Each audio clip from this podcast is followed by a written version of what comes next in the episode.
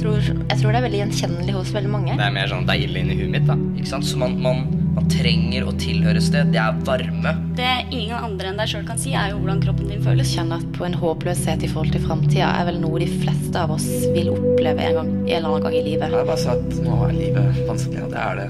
Det er nå. Dette er Hverdagssyken. Podkasten der Marius og jeg sammen med gjester fra hele landet tar for oss mental helse i hverdagen og de tabubelagte temaene der ute. Velkommen. Og velkommen tilbake til Hverdagssyken! Da er vi faktisk på vår egen eh, lille hule her på Mesh. Og i dag, folkens, så tror jeg faktisk dere er nødt til å slite dere ut bare med meg. For i dag er jeg rett og slett aleine. Og jeg har ikke gleden eller ugleden av å faktisk ha en egen hemmelig bestevenn som man faktisk snakker med, så da blir det faktisk bare meg. Og det som vi tenkte å ta opp i dag, som jeg har litt lyst til å snakke om, det er litt spørsmål som dere har tatt opp fra da publikum, altså som dere har sendt inn til oss, men også litt den der biten med hvorfor det er så vanskelig å søke hjelp. Og det vi ser, er at Folkehelseinstituttet sier da at kun tre av ti som har en mental helseutfordring, søker altså hjelp her i Norge.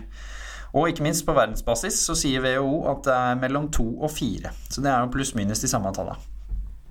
Så det som vi sitter igjen med da, det er litt den der Hvorfor er dette så fryktelig vanskelig for oss?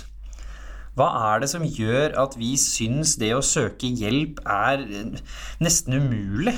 Jeg husker jo når jeg satt i treet som da 13-åring, som dere har hørt her flere ganger, så var liksom ikke det i tankene mine engang, for å være helt ærlig. Og det var det egentlig ikke når jeg satt aleine i Singapore heller. Det var veldig fokus på det fysiske. Det, det slo meg egentlig aldri at jeg trengte noen å snakke med. Og det var ikke nødvendigvis for at jeg ikke trengte noen å snakke med, for det gjorde jeg virkelig, og jeg var jo i tillegg aleine i Singapore med da knust eh, skive i ryggen som gjorde at jeg hadde jo ikke noen venner eh, som, som var eh, eldre venner, da. Jeg hadde noen nye bekjente i Singapore. Hadde noen få kollegaer, men de snakka jeg egentlig ikke så mye med etter jobb. Og selvfølgelig så hadde jeg jo da behandlerne mine, da. For jeg var jo en ganske alvorlig da fysiobehandling. Og så hadde jeg også massasjeterapi. Eh, og i tillegg så hadde jeg jo mye trening hvor jeg hadde en personlig trener som hjalp meg i hvert fall bitte litt eh, for å følge noen av de komplekse øvelsene. Men alt i alt så, så var jeg mye med meg sjøl. Og mye med mitt eget sinn. Og det er noe rart med det når vi er med vårt eget sinn, at vi, vi forsvinner liksom inn i en sånn drømmeverden, egentlig. Det, jeg husker at jeg var veldig mye oppi mitt hode, og det var nok første gang, da, siden Egentlig første gang noensinne hvor jeg måtte stoppe opp og tenke og stille meg selv sånne spørsmål som Hvem er du egentlig? Og hvor er det du vil? Og hva er det du egentlig er god på? Fordi hele livet fram til da, pga.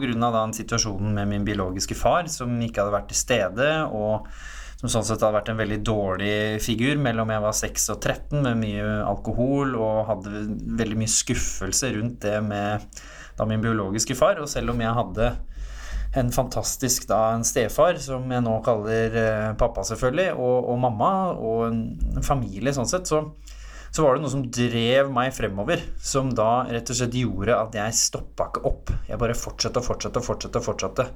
I tillegg så hadde jeg jo selvfølgelig ADHD, som gjorde jo ikke akkurat eh, saken noe bedre.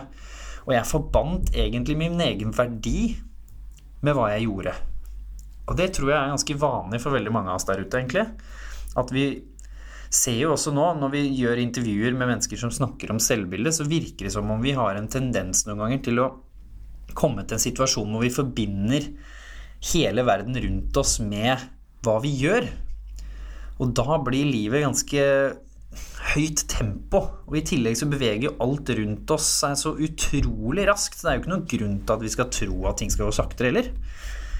Så tenk deg da Hvis alt rundt deg handler om hva du gjør Og jeg kjenner meg igjen fortsatt at jeg til tider liksom kjenner litt på at hvis noen kjefter litt på meg, eller kanskje gir uttrykk for at jeg har gjort noe galt, eller blir litt sånn reagerer på en måte som gjør at de ikke er fornøyd med det jeg har gjort, eller Kanskje de blir litt lei seg da, hvis du må snakke litt tøft til noen f.eks. Og være litt direkte, eller bare at du er sliten og kanskje sa noe du ikke mente. Så kjenner du på den der frykten med at nå kommer de ikke til å like meg. Shit, nå vil de ikke snakke med meg lenger. Eller nå blir det rart, eller nå blir det kleint. Og den, den, har jeg hatt med litt flere mennesker, egentlig selvfølgelig gjennom hele livet. Og når du da bare suser framover og går litt på sånn eggskall fordi du er redd for at det sekundet du gjør en feil, så kan du til og med miste en nære venn. Hvorfor, hvorfor er det sånn? Eller da at hvis du som leder f.eks. kanskje snakker litt hardt til noen en dag, da, en av de kollegaene dine som du ikke føler gjør en god jobb, og så blir det sånn shit, oi, nei, nå slutter de. Eller nå vil ikke snakke med meg, eller nå snakker de dritt om meg utad. Og så føler du liksom at 99% av de gode tinga du gjør, ikke er bra nok. Og kanskje hvis du er en som har jobba ekstra hardt, da, så føles dette ekstra urettferdig. Fordi det er jo klart at noen vil jo kanskje sånne ting skje litt oftere, som kanskje er litt mer emosjonelt ustabil, hvor man kanskje sliter litt med humøret, og kanskje spesielt hvis du har det vanskelig da, i livet, så vil jo dette dukke opp oftere enn hvis du har det bra. Det er også litt sånn klassisk tegn at da er det ikke så rart vi trekker inn mot om å være aleine. Å være med oss selv. Å stå i vår egen energi. Fordi hvem vil egentlig ha noe med oss å gjøre, sant? Og da er det jo litt sannhet i at vennene våre også sikkert trekker bitte litt unna, sammen med familie. Jeg hadde noen som sa her en, en dag når vi gjorde intervju, at uh, hele familien hans orka ikke han. Når han da sleit med kropp og helse og kosthold og var på et veldig sånn streng diett, så sa han at liksom ingen av søsknene mine vil ha med meg å gjøre. Han hadde liksom én venn som gadd å holde ut med han. Og det sier litt om hvordan vi kan være noen ganger, og hvordan vi ikke kjenner på det sjøl. Så da sitter jeg da som 27-åring i Singapore og har egentlig busa på hele livet fram til da. Prestasjon, prestasjon, prestasjon, prestasjon, prestasjon. For det var det jeg trodde folk målte meg etter. Og når jeg følte meg som annerledes og rar helt fra jeg var liten, mye mobbing og ikke passe inn, så var det liksom det jeg forbandt med hvordan jeg skulle lykkes i livet også på den sosiale fronten. Det handlet ikke om om jeg var snill, eller om om jeg tok vare på de rundt meg. Det handlet om prestasjon. Det handlet om å alltid si ja. Det handlet om å alltid stille opp. Og det handlet om å ikke bare alltid stille opp, men alltid stille opp med kvalitet.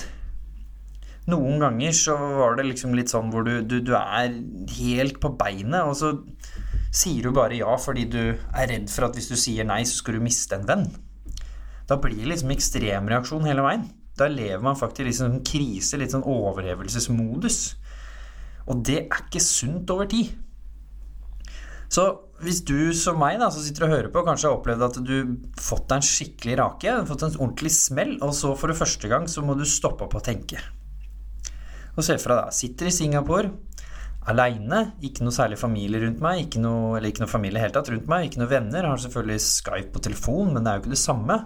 Vil heller ikke fortelle hvor ille det er, fordi jeg vet at mamma ikke kan fly ned likevel, har flyskrekk. Jeg vet at pappa ikke kan ta fri fra jobben i flere uker for å komme til Singapore. Sammen med søstera mi, har ikke råd til det. Så blir jeg liksom ensom, da, hvor du sitter i det her, og så begynner du da å tenke litt sånn inn i drømmeverdenen din sånn som jeg sa, hvem er du egentlig? Hva er det du er god på, og hva er det du vil? Det hadde jeg liksom ikke tenkt på før. Jeg hadde jo masse ambisjoner, jeg hadde masse drømmer, masse visjoner. Misforstå meg rett, jeg var en utrolig dreven ung kar. Og hvis du hadde spurt noen av de andre rundt meg, så hadde de antagelig sagt at jeg var en av de mer drevne de kjente. Og en av de som jobba både på en måte hardest og virka som jeg got things eh, together. da. Jeg ble jo absolutt sett opp til av ganske mange. Mange ga uttrykk for det. Og samtidig så var jeg kanskje han som hadde det minst together, fordi jeg ikke tok meg tid til å stille meg de spørsmålene. Så når jeg plutselig begynte å fundere på dette her, så begynner jo livet mitt litt å sprekke opp. Og da ble jeg utfordra av en som var en coach for meg på den tida der, som sa Gå tilbake i livet ditt, og så ser du på de store avgjørelsene i livet ditt, og så tenker du virkelig hardt igjennom og ærlig svarer på hva som fikk deg til å ta det valget. Og da gikk jeg tilbake i livet og tenkte på sånne store valg sånn valg av videregående, valget om å gå inn i Forsvaret, hvilken, om jeg skulle akseptere det å være en del av spesialstyrkene. valget om å fortsette videre som redningsdykker i Kystvakta når det ble et alternativ, istedenfor å vente til januar og begynne på nytt igjen med opptak når jeg hadde knukket ankelen i da marinejegeropptaket og minedykkeropptaket. Og selvfølgelig valget med videre skole, hvor jeg valgte shipping, og ta det store steget der inn i shipping. Valget med å si ja til jobb i en alder av 21. Og selvfølgelig valget med å flytte hjemmefra tredje året på videregående valget om å flytte til Oslo og studere her, valget om å tørre å kjøpe min første leilighet osv. osv. Valget med kjæreste og hvem man på en måte så på som den som var viktig for deg i livet. Og så satte jeg opp alle disse valgene her, og så begynte jeg å tenke.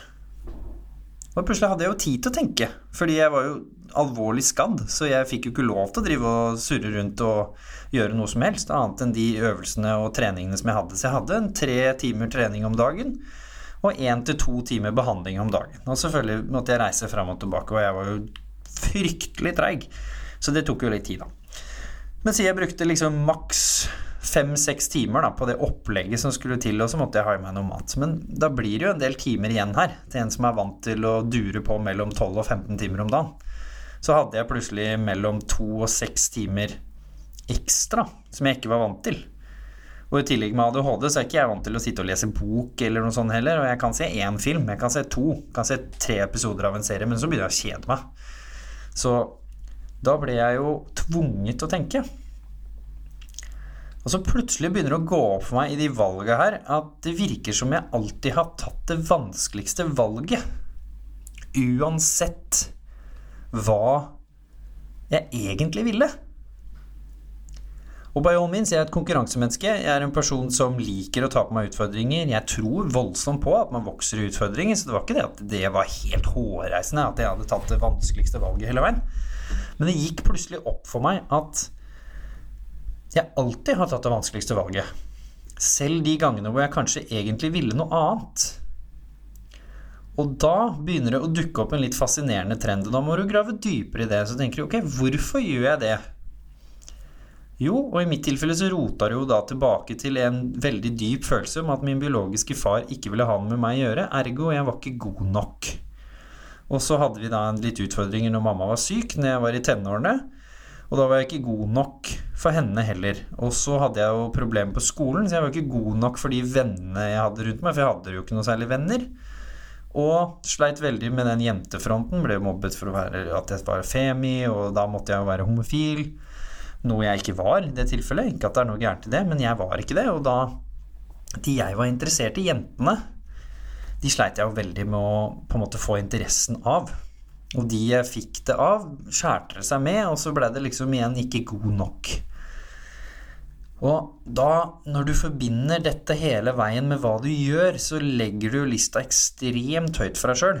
Og hvis du gjør det over da 15 år, fra ungdomsskolen til du er 27, da har du dura på lenge uten pause. I mine ferier så dro jeg til hele verden for å oppleve å jobbe f.eks. på barnehjem, eller bidra med noe i fjellene i Nepal, hvor jeg jobba som førstehjelpsansvarlig der, og assisterende guide, og gjorde liksom hele tida noe. Og det er også fordi jeg har ADHD og ikke liker å slappe av, hva nå enn du kaller det. Men samtidig, jeg kunne jo ha koblet av hjernen og vært ute i natur og gjort det som jeg også elsker. Bevege meg. Møte mennesker, som veldig mange av disse turene også bringte til meg. Men det var igjen hele tiden et vanskelig valg. Jeg gjorde det som var utfordrende, det som krevende, og det som kanskje Og nå kommer det store, spennende ordet, folkens. Fikk mest oppmerksomhet. Og der gikk det opp et lys for meg plutselig. Mest oppmerksomhet. Kjenn litt på det ordet. Det ruller litt på tunga, og så klyper det litt i nakken. Fordi oppmerksomhet, det har i hvert fall ikke jeg vokst opp med at det er noe positivt. For vi kommer nå fra Norge. Og for meg så var oppmerksomhet det var noe negativt. Det hadde satt seg igjen i oppveksten min. Åh, du, du, du, krever så mye. Du, du, tar så mye plass. Det, det, er litt mye oppmerksomhet på deg.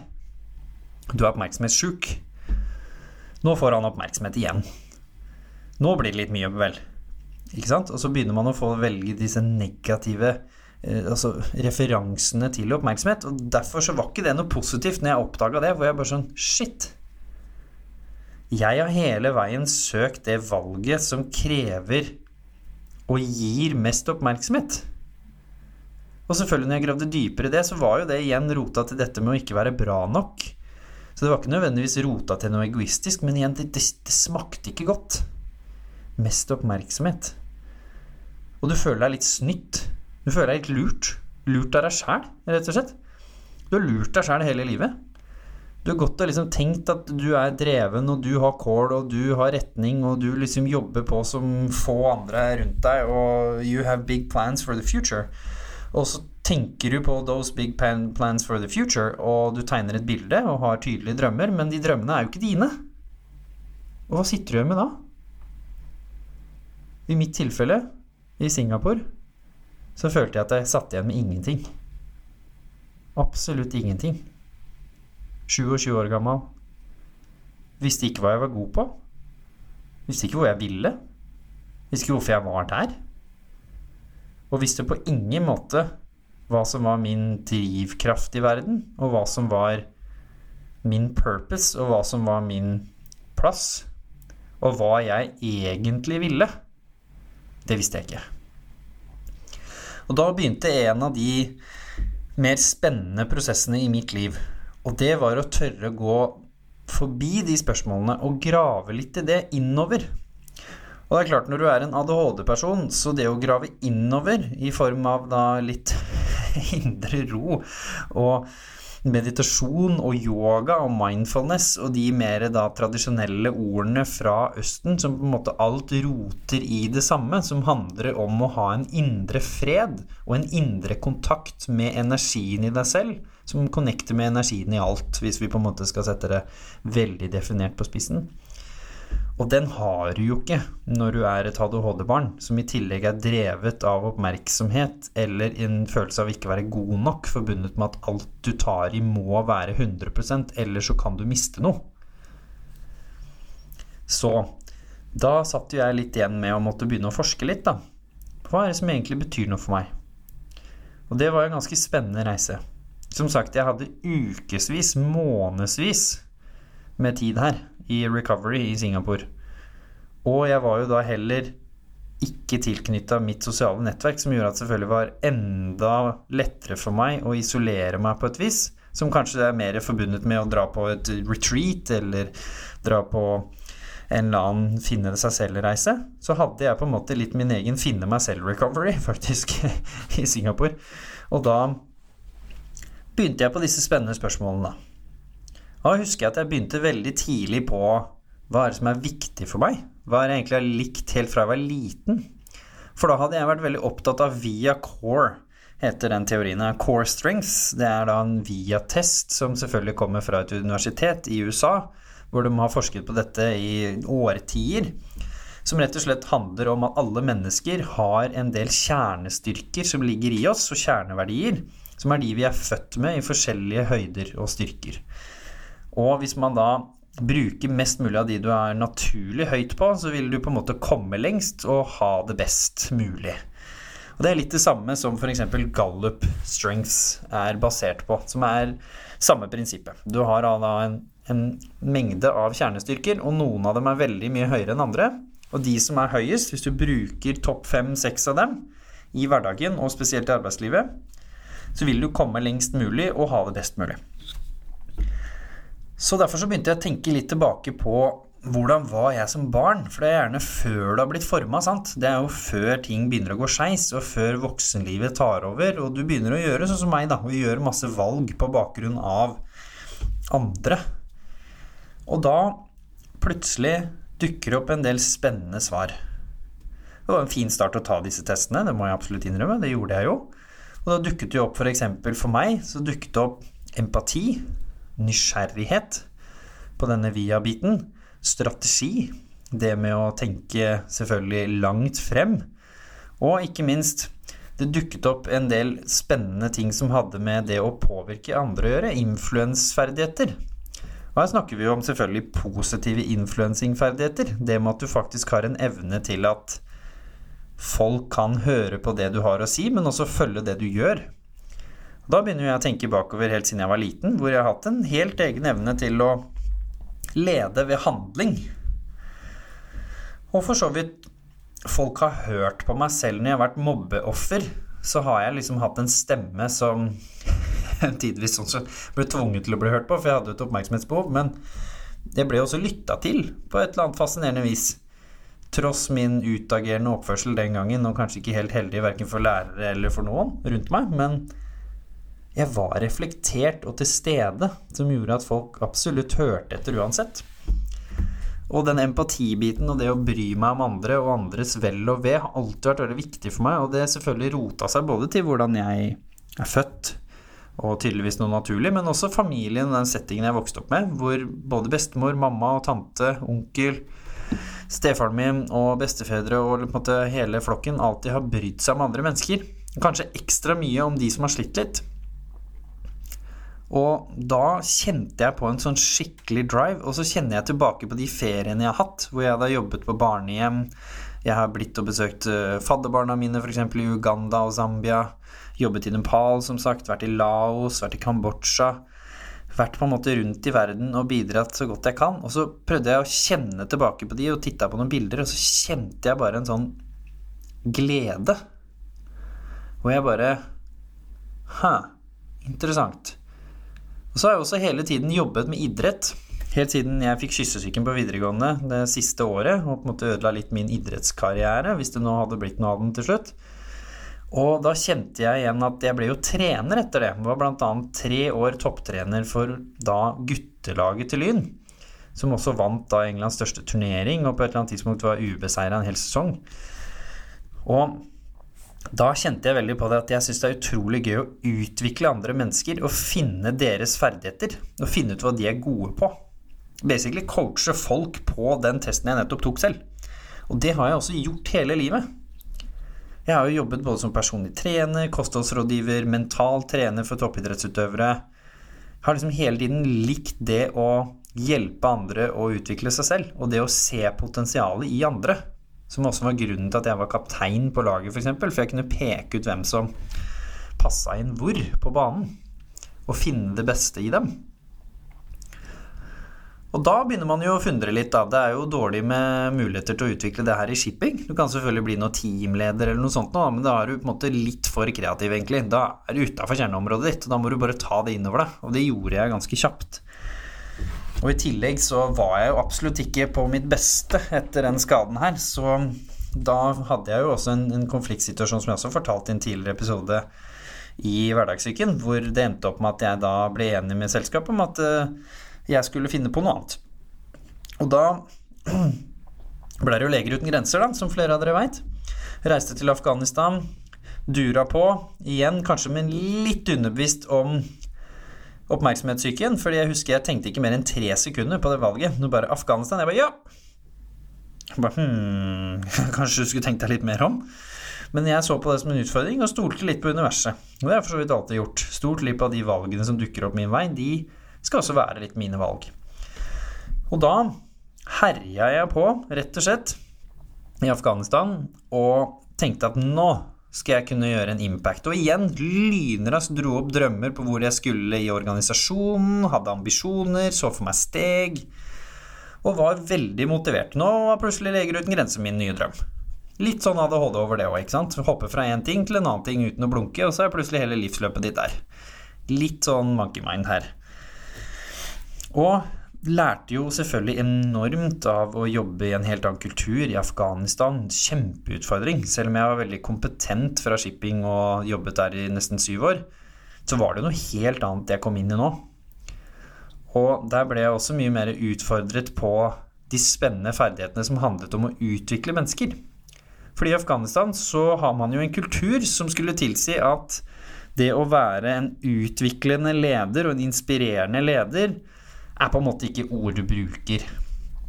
Der har du mer hierarki, og de mer tradisjonelle lederegenskapene er egentlig de de fokuserer på. Som er å ha tydelige rammer.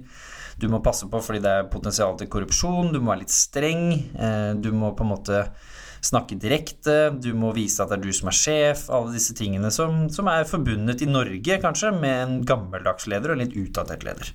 Men i Afghanistan så er det dette som er sett på som det er det ledere gjør. Og så kommer jeg inn med en helt annen tankegang. Og så nekter jeg å akseptere egentlig at det skal være sånn. Og da velger jeg å pushe forbi det steget og prøver å bruke disse ferdighetene mine sånn som man skal gjøre via testene. Og hvor du aktivt skal da mentalt bruke disse ferdighetene og sette deg selv i posisjoner hvor du må utfordre de.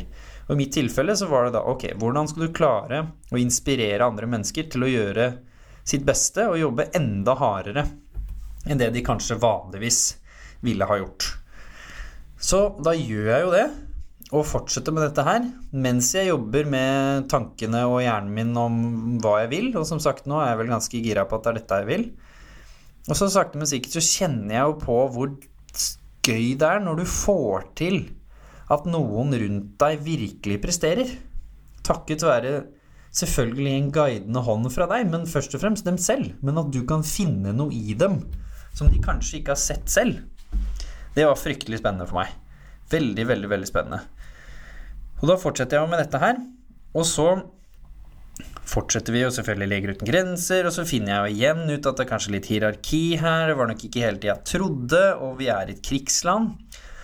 Og selv om jeg opplevde mye fantastiske mennesker i Afghanistan, og opplevde selvfølgelig veldig veldig tøffe ting med bombingen av sykehuset vårt med Kundus, en enorm terrorbombe, den største som har vært i historien i Kabul, mange som døde, utfordrende situasjoner og det å leve under et konstant stress sånn sett, og det å ikke kunne bevege seg fritt ute på gata. Det er veldig mye her som, som man ikke er vant til.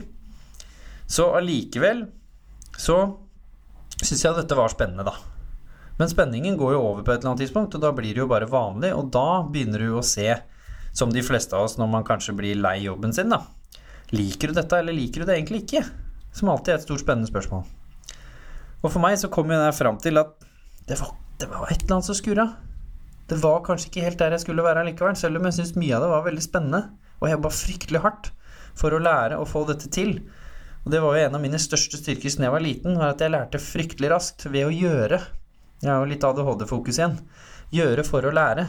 Jeg kunne ikke lese for å lære, f.eks., men jeg kunne gjøre for å lære, og justere meg lynraskt fordi, litt fordi man var redd for å gjøre feil, og sånn sett fulgte fryktelig godt med, men også fordi man var en person som lærer ved rett og slett å se på andre og ape etter, og prøve sjøl, og justere og feile, og så få det til.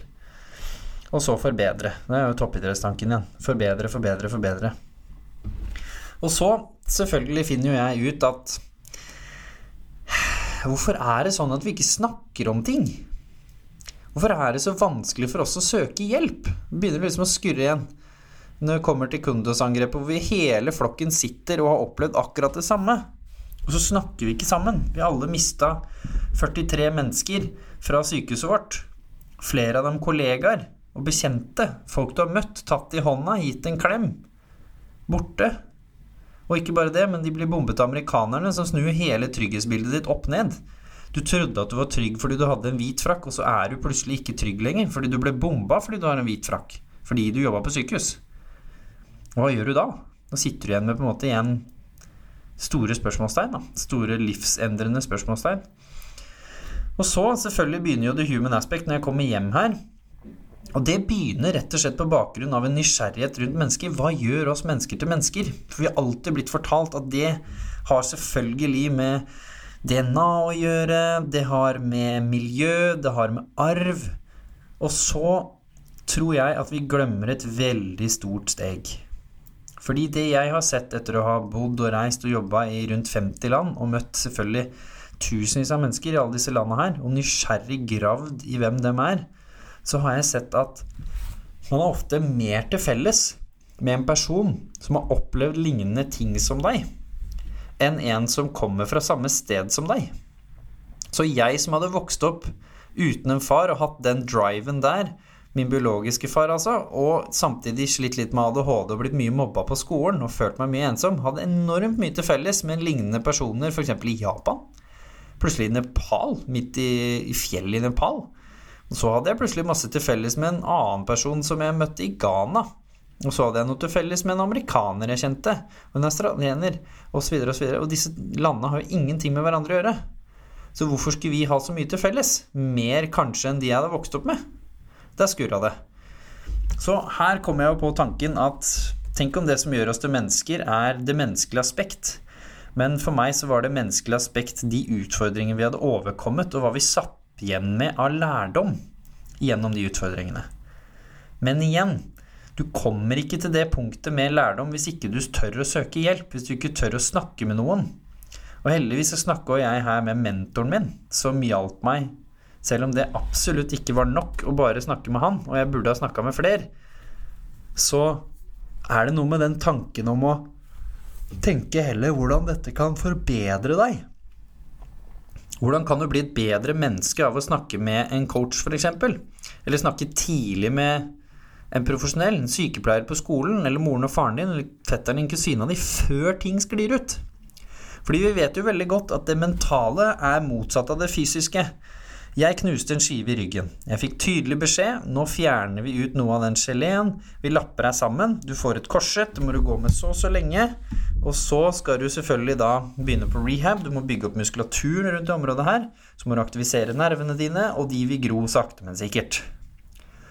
Følger du oppskriften, smashing, så vil det gå raskere enn hvis du ikke følger det smashing. Men det vil gro åkke sånn.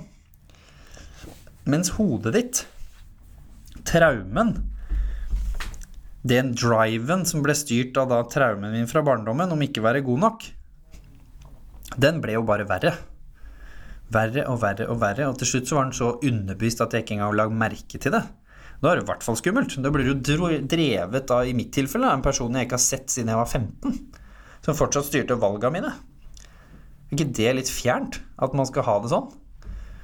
Og da plutselig fant vi jo ut at Hæ, kanskje jeg skulle snakke med noen der? Ja. Bare noen som gir deg perspektiv, noen som stiller spørsmål, noen som kan reflektere det, sånn at du kan ta det tidlig, lenge før det blir en traume. For jeg syns vi fokuserer altfor mye i samfunnet på tjenester for de som virkelig har blitt skakkjørt. Og det er jo fantastisk, og de skal ha gode tjenester, og det må vi fokusere på. Men vi, for å snu trenden, så må vi fokusere på å lære unge mennesker, og voksne mennesker for den saks skyld, til å håndtere tøffe følelser. Og lære hva som skjer hvis du ikke gjør det. Og hvordan du kan ha gode mestringsstrategier i hverdagen. Og hvordan de f.eks. også kan være å gå og se en fotballkamp med gutta. Og spille en fotballkamp, eller dra på trening. Eller dra på dans. Eller dra ut og le og tulle og snakke om gamle dager. Fordi sosial interaksjon, det å ikke sitte og tenke på noe hele tiden, og det å kjenne på at man er bra nok som man er, uten å gi noe, har enorm verdi. Og det å være rundt andre mennesker som er glad, og som er glad i deg, og som vil deg godt, er hilende. Og selvfølgelig det å snakke om det som er vanskelig med folk du stoler på, for å få litt tanker fra dem, er jo helt avgjørende for å lykkes i livet. Og plutselig så De tinga som kanskje legen burde ha gitt resept på, og nesten tvunget deg til, er kanskje noen av de enkleste tinga i verden, er samtidig noe av det vanskeligste i verden. Fordi hvis du bare henger rundt og ikke tar tak i det som ligger i mølja, og bare later som du har det bra, tar på deg maska og går ut og drikker hver torsdag, fredag og lørdag, som veldig mange gjør, det er jo ikke å ta vare på seg sjøl. Det er ikke å kose seg. Jeg hører hele tida folk sier til meg, Jimmy, ah, du må kose deg litt mer, du må slappe av litt mer. Nå, hva er det du koser deg med, egentlig? Når er det du egentlig koser deg? Så blir det sånn Folkens, kose seg er forskjellig fra person til person. Det betyr ikke det å gå og drikke seg dritings og ikke tenke på hvordan livet ditt egentlig er. Det er ikke å kose seg. Det er ikke å slappe av litt. Du heller i teorien i deg gift. Det er klart at Hvis du har lyst til å gå ut og danse fordi du syns det er kjempegøy, eller har lyst til å gå ut og ta et par øl og se på en fotballkamp, eller gå ut og ta et par glass vin og snakke vås, og kanskje det løsner litt på snippen med et par glass, så er det jo ingenting gærent i det. Men det å rømme fra livet sitt, som fortalte i den forrige episoden hvor vi var så heldige å ha Siri på besøk, det hjelper jo ingen. Da blir det jo bare verre. Så igjen, i mitt liv så var jeg heldig å ta tak i de tinga her. Litt tilfeldig og litt fordi jeg ble tvunget fra skaden og måtte begynne å tenke på hva jeg var god på. Og da dukka kanskje det mest spennende opp. Og det jeg alltid har vært god på, er å få folk til å åpne seg. Og da turte jeg å utfordre meg selv på den egenskapen som kanskje er det mest spennende av alt. Og det var jo det som til slutt blei The Human Aspect. For vi gikk på gata og intervjua 30 mennesker random. Som nå da er både det første og største livserfaringsbiblioteket i hele verden, med 500 dybdevideointervjuer. Og denne podkasten her, med over 50 episoder. Hvor man har turt å hoppe på noe og tenkt at jeg har gode ferdigheter med å snakke med andre mennesker. Tydeligvis meg sjøl også, for nå har jeg sittet og skravla i 35 minutter. Så vi får nå håpe dere ikke har blitt skitlei allerede og hoppa helt av, for nå er vi i ferd med å runde av her. Men poenget er at det å tørre å finne ut hva du er skikkelig god på, og tørre å f.eks. ta en hel helg og tenke faktisk gjennom dette her på, for å begynne der, det er veldig avgjørende. Å tørre å skrive ned hva som har gjort at du har tatt dine valg i livet. Bare for å forsikre deg om at det er du som tar dem. Og at de ikke blir tatt underbevisst av ting som har skjedd, eller av folk rundt deg. Fordi det som er litt trist da, er at det er du som skal leve livet ditt for alltid. Men hvis andre får lov til å underbevisst påvirke deg, og du ikke merker det engang, så kommer du til å våkne opp en dag på samme måte som det jeg gjorde, og føle ingenting. Og ingenting er farlig. Å føle seg ille, det er vondt. Å føle ingenting, det er farlig. Og for meg så er det en ganske viktig forskjell. Og det er også litt fint å si til folk der ute. Så hvis du sitter og føler at det er vondt Jeg sliter med fysisk vondt hele tiden pga. ryggskaden. Hver eneste dag så har jeg fysisk vondt. Og for så vidt psykisk vondt på noen av disse tingene som vi jobber med, med å ha lite fri og masse stress med funding og stress med å finne gjester, og plutselig dukker ikke opp, så nå ender jeg opp med å sitte her aleine. Stress med å være en god venn, med å være rundt meg. Stress med å finne en kjæreste, fortsatt singel, er jo 33 år gammel. Og stress med å få til det livet som du skulle få til, og stress med å prestere på absolutt alle fronter. Men jeg føler stress. Jeg føler tøffhet. Jeg føler også fantastisk glede hver gang vi har et nydelig intervju. Hver gang vi får en fantastisk podkast gjennom. Eller når noen av dere gir oss feedback, eller deler, eller forteller oss hvorfor dette er viktig for dere. Alt dette her er også fantastisk, og det kommer innimellom. Og det å ha det vondt er litt sunt innimellom. Men man må også bestemme seg for at man ikke skal ha det vondt hver dag. Og det var noe av det jeg bestemte meg for når jeg skjønte at jeg hadde fått en så stor skade at den antagelig kom til å være med meg for resten av livet. Jeg bestemte meg for at jeg skal ikke akseptere at jeg har vondt hver dag. Det nekter jeg. Så derfor skal jeg i hvert fall sørge for at noen dager så skal det gå greit. Og noen dager så skal jeg ha det fint. Og andre dager så får det bare være vondt. Og så får jeg akseptere det og leve meg gjennom det på en god måte. Og det å finne ut at du er god til noe, og det å gjøre det Da kommer det store, spennende elementet her, skjønner du. Fordi det at jeg hadde gått hele livet og følt at jeg ikke var bra nok, og at hvis ikke jeg presterte med det jeg gjorde, så kom jeg til å miste alt rundt meg. Det var da det skjedde noe spennende. Fordi når jeg slutta å fokusere på det, og faktisk begynte å gjøre mer av det jeg hadde lyst til, og veldig ofte så hadde jeg lyst til å stille opp for vennene mine. Veldig ofte så hadde jeg lyst til å gjøre de tinga. Så det var ikke sikkert at det endra så mye. Kanskje jeg endra bare 20% kanskje 10% Men de 10-20% jeg endra, det var de som tok all energien min. Så plutselig satte jeg jo igjen med at jeg gjorde ting fordi jeg hadde lyst. Og da merka jo vennene mine det også. Og jeg gjorde ting fordi jeg følte at det var en god ting å gjøre. Og noen ganger skal man det. Man skal ikke alltid gjøre det man har lyst til. Men da skal det være fordi at du har lyst til det som kommer i det store bildet. Du har lyst til å være den vennen som stiller opp, også når du har litt hodepine eller vondt i ryggen. Du har lyst til å være den personen som kommer på jobb litt ekstra og tåler å være kanskje litt mer syk. Eller du skal være den som er den smarte, som er hjemme når du kjenner følinga, for da slipper du å være borte hele neste uke. Og du kjenner kroppen din, så du vet om det er smart for deg å gå på jobb nå eller ikke. Og vi er forskjellige. Men du er bra nok. Bra nok som du er. Og når du har akseptert at du er bra nok som du er, da kan du begynne å jobbe med deg selv til å bli bedre. Da beveger man seg inn i det mest spennende rommet for meg. Fordi jeg elsker å utvikle meg selv. Utfordre meg selv. og tåle at ting går skeis. Og det gjør jo titt og ofte, men det fine med det er jo at da lærer du noe. Spesielt hvis du reflekterer og bouncer det fra andre. Håndterer de situasjonene du er i, og ikke lar det være. For det kommer heller ikke til å bedre noe. Får du en liten konflikt med en bekjent eller en venn, snakk om det. Er det en jente du liker, og du sa det til henne, og hun responderte ikke som du ville? Snakk om det, eller takle det, og bestem deg for da om du klarer å gå tilbake til å bare være venn, eller om du nå da faktisk ikke nødvendigvis trenger den personen i livet ditt lenger. For hvis det blir midt imellom, det er da det skurrer. Det må være det ene eller det andre på en god måte. Fordi du er bra nok som du er. Så hvis den personen ikke liker deg som du er, så er det jo ikke riktig person. Og for meg så går det ikke an å elske noen én vei. Jeg kan ikke elske noen andre hvis ikke de elsker meg. Så når jeg lærer å elske meg selv, så vil andre kunne elske meg. Hvis noen der ute som jeg møter som er en potensiell kjæreste, ikke elsker meg som jeg er, så er det jo ikke riktig person. Og da er det heldigvis ikke like vanskelig å komme seg videre heller. For da er det jo bare sånn Ja, ja, du er et fantastisk menneske. Heier virkelig på deg. Du er helt rå. Men du var ikke den som var der for meg. Og da gleder du deg også over når de finner noen andre. Og da klarer du å være den første som heier. Og det er så deilig! Fordi du innerst inne har det bra med deg selv. Og da kan en stor smell som ryggsmerten, stresset vi har her på The Human Aspect, og alle de hundre tingene som jeg kunne kasta inn i potten over hvorfor livet mitt ikke er sånn som det burde være akkurat nå, da er det greit. Fordi jeg klarer å smile mellom slaga. Jeg klarer å ha trua på at fremtiden kan bli hakket bedre, men jeg klarer også å kose meg nå. For du kan ikke bare leve for fortida eller fremtiden, fordi ingen av de eksisterer nå. Det eneste du kan kjøpe fra fortida, som et fantastisk intervjuobjekt sa for oss i Sierra Leone, det er erfaring. Det er lærdom. Men det du kan få med deg fra nå, det er alt.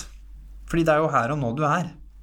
Så hvis du nyter her og nå og gjør det beste ut av her og nå så godt du kan, samtidig som du jobber med de tingene du ønsker for fremtiden, som f.eks. er en jobb for å spare, eller jobb for å komme oppover i systemet, eller gå på skole for å få en jobb, så er det så mye mer motiverende. Men aldri glem å bruke de ferdighetene du er god på. Puss på de ferdighetene. For det er så typisk oss norsk å si 'jobb med det du er dårlig på'. For å være helt ærlig, det er ingen som bryr seg. Jeg som leder, når jeg får folk inn i teamet her, jeg bryr meg ikke filla om hva du ikke kan. Jeg bryr meg mye mer om hva du kan. Så kan jeg heller finne andre som er gode på det du er dårlig på. Og det samme med meg selv. De tingene jeg er dårlig på, finner jeg andre som gjør. Det betyr ikke at jeg ikke gjør de tingene jeg er dårlig på. Da prøver jeg så hardt jeg kan å lære å bli bedre. Men jeg skal ikke bruke masse av min tid på å gjøre ting jeg er naturlig dårlig på. Og jeg kommer til å bruke lang tid på å lære, like godt som en annen person lærer på null komma sniks, fordi de er naturlig gode på det. Det er bortkasta tid. Det er ikke effektivt, og det er ikke en god måte å leve på heller, for da føler du deg ikke bra.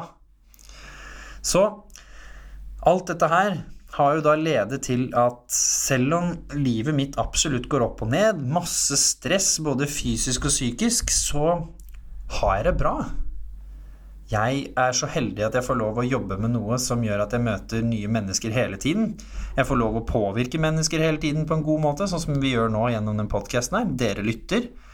Jeg har muligheten til å høre fra dere og kunne bli enda flinkere på det jeg driver med.